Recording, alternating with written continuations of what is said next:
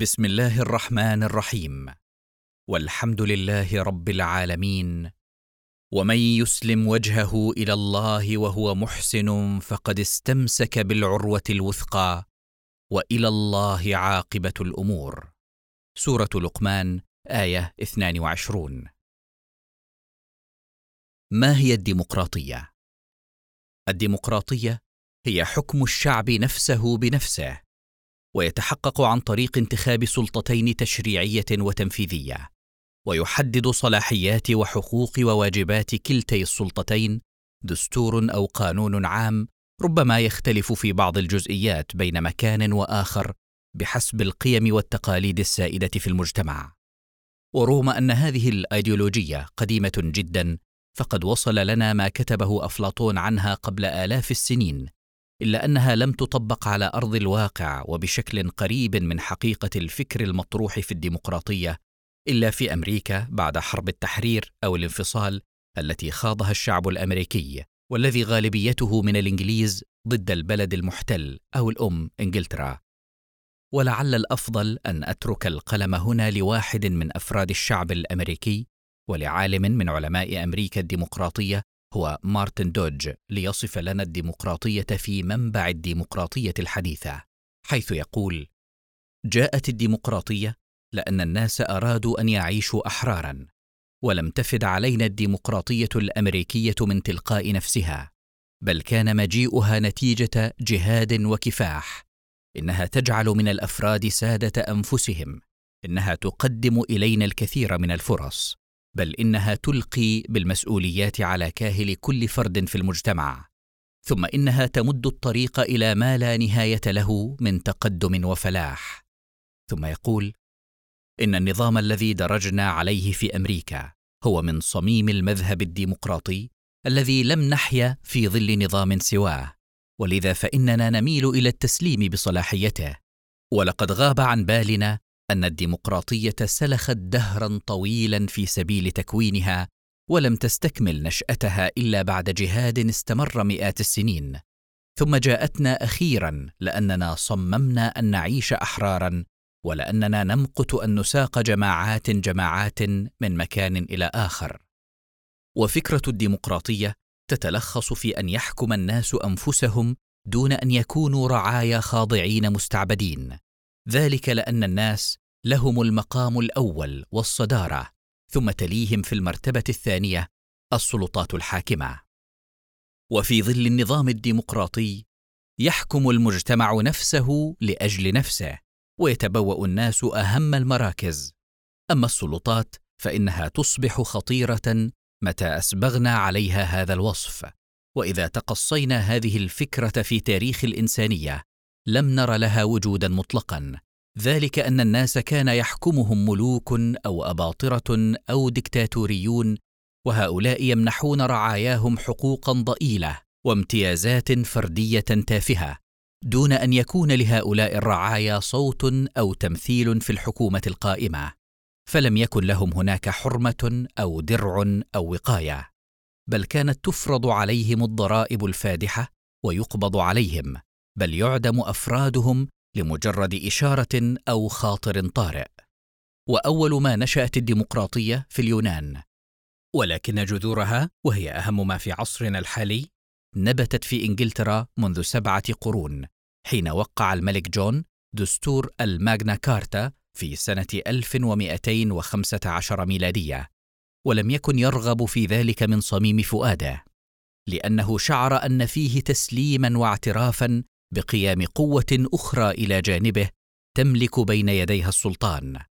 والمعروف أن رؤساء الدول وأعضاء الهيئات الحاكمة يرفضون التنازل عن جاههم وسلطانهم الذي استحوذوا عليه، بل يتشبثون به خشية أن يفلت من بين أيديهم أما الديمقراطية فإنها تنص على أن قوة السلطان يجب أن تكون في أيدي الشعب ومنذ أن تم التوقيع على الماغنا كارتا وقعت في إنجلترا أحداث متعاقبة.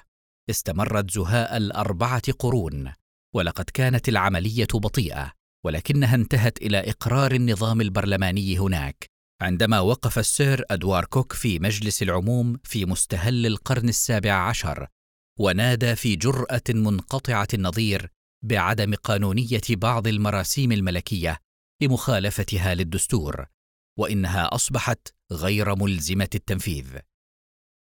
وهكذا كانت إنجلترا مهدا للديمقراطية غير إنها لم تمنح مستعمراتها الأمريكية مثل هذا الامتياز وظلت تعامل سكانها كقطيع من السائمة.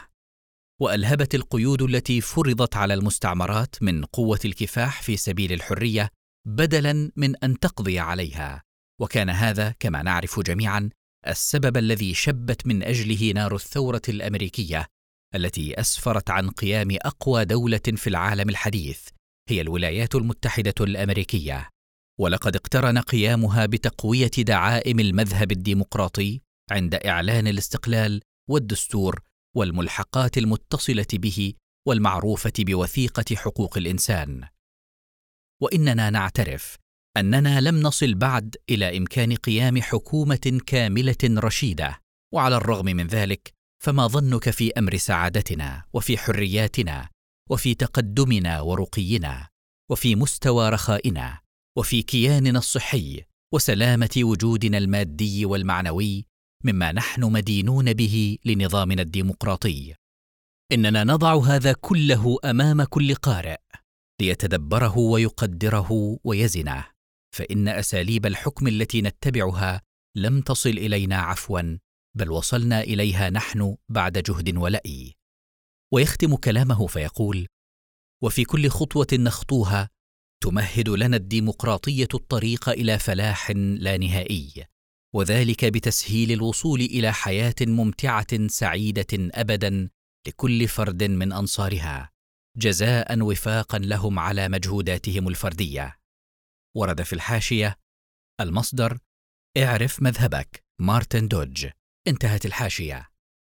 ولا بد لكل مفكر منصف أن يعترف أن المذهب الديمقراطي قد هزم جميع المذاهب السياسية الأخرى فكريا قبل أن يهزمها على أرض الواقع السياسي في أوروبا وفي بعض دول أمريكا الجنوبية وآسيا وأفريقيا. وذلك لأن جميع تلك المذاهب تتفرع عن حقيقة واحدة هي تفرد جماعة أو فرد بالسلطة وتنصب هؤلاء الجماعة أو الفرد والفكر الشاذ عادة الذي يحملونه كآلهة تشرع وتسن القوانين وعلى الشعب أن ينفذ دون ما اعتراض.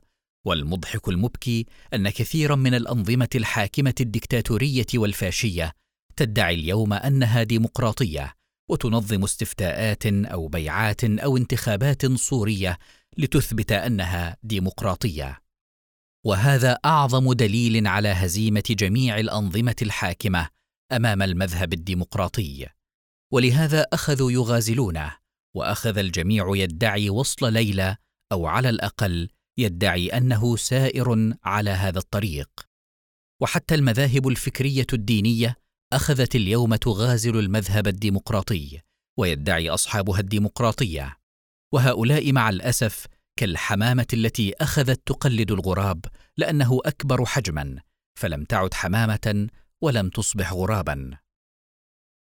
ولا أرى اليوم مذهبا يقارع الديمقراطية الحجة بالحجة ويطرح فكرا رصينا أهلا لأن يتبع ويصنف كند فكري حقيق للديمقراطية إلا مذهب المصلح المنتظر الموجود في الديانة اليهودية ويمثله إيليا. وفي الديانة المسيحية ويمثله عيسى المسيح عليه السلام وفي الديانة الإسلامية ويمثله المهدي عليه السلام. كما أنه موجود في ديانات أخرى كمصلح منتظر دون تحديد شخص معين.